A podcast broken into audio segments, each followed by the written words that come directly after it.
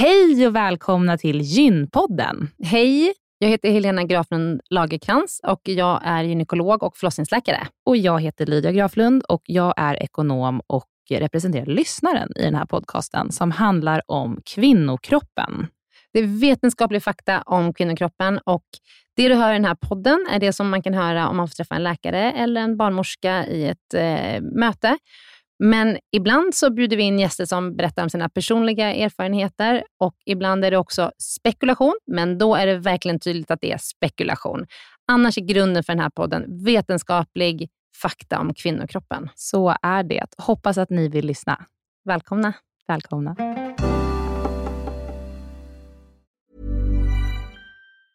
A lot can happen in three years, like a chatbot may be your new best friend. But what won't change? Needing health insurance. United Healthcare Tri Term Medical Plans, underwritten by Golden Rule Insurance Company, offer flexible, budget friendly coverage that lasts nearly three years in some states. Learn more at uh1.com.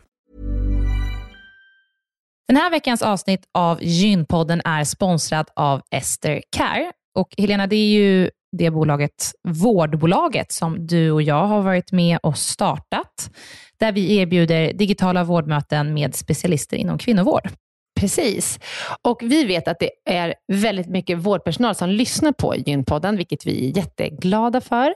Och vi behöver alltid fler gynekologer till SDKR. Så därför vill vi nu göra en shout-out till alla er som lyssnar ute som vill vara med och förändra svensk kvinnovård. Vi söker specialister inom gynekologi, men också ST-läkare som har kommit en bit in i sin ST och som vill arbeta digitalt eh, med handledning på, hos oss på SDKR. Mm. Och precis som det är för våra patienter som kan söka vård hos oss, det vill säga att de kan bo vart som helst i landet eftersom vi är digitala. Om man laddar ner appen och så bokar man ett vårdmöte, så kan ju även läkaren bo vart som helst i landet eller flytta under tiden man jobbar hos oss. Det är ju väldigt, väldigt flexibelt eftersom eh, man jobbar hemifrån. Och Jag tänker att det måste ju också vara helt underbart att som läkare kunna arbeta hemifrån och planera sin egen tid några dagar i veckan. Ja, verkligen. Och samtidigt vara med och förändra kvinnovården med kollegor som är otroligt drivna och engagerade. Det är jätteroligt att jobba på SDKR. Och jag tycker att det här är en häftig grej som vi gör just nu, att vi erbjuder gyn, äh, gynvård i hela landet.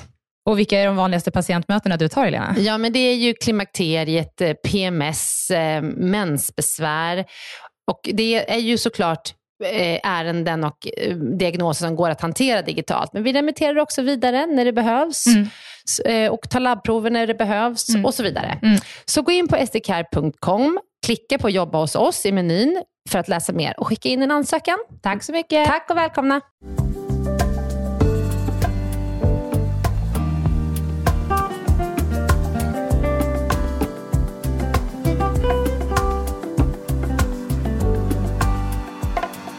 Hej och välkomna till Gynpodden svarar, där vi frågar doktor Helena en fråga som vi fått in till Gynpoddens Instagram. Hej. Välkommen Helena. Tack. Idag ska vi prata om en, en ganska vanlig fråga som vi får in och det är gällande preventivmedel och vikt. Så frågan är, går man upp i vikt av att äta p-piller? Eh, det här är ju en jättevanlig fråga och det är faktiskt en av, eh, den, eh, det är en av de vanligaste orsakerna till att eh, unga tjejer och kvinnor väljer att avstå p-piller, för att man är så rädd eh, att man ska gå upp i vikt av detta. Och Det här har många eh, studier tittat på och det finns ingen, inget samband mellan p-piller och viktuppgång. Man tittar på det här i långtidsstudier och de faktorerna som påverkade viktutvecklingen var ökande ålder och rökvanor men inte p-piller. Och Då kan man ju säga, liksom, många tjejer så här, men jag började med p-piller och då gick jag upp i vikt. Och eh, Det är ju sant för den personen, men ofta är det liksom andra saker som spelar in. Till exempel att man kanske har en, träffat en partner, man är hemma mycket mera, man är liksom inte ute och rör på sig lika mycket, eller liksom man sitter hemma och så, tittar på film och myser och kanske äter chips. Eh, och, så, och Då går man upp i vikt och då har man kanske också börjat med p-piller och så tänker man att det hade med p-pillerna att göra. Men det har inte med p-pillerna att göra. Så att eh, man ska inte avstå från att käka p-piller eh, på grund av rädslan för att gå upp i vikt. Jätteviktigt att informera alla om det.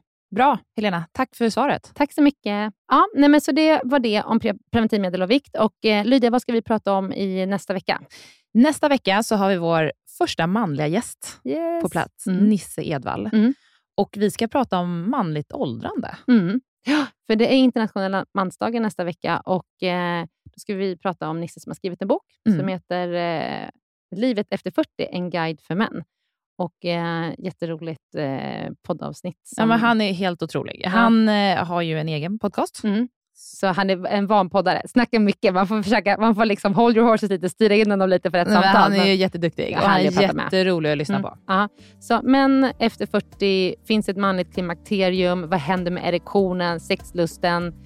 Mm, hur ska man eh, tänka kring frisyren när man tappar håret? Och eh, relationer. Mm. Så lyssna nästa vecka. Tack så mycket. Tack.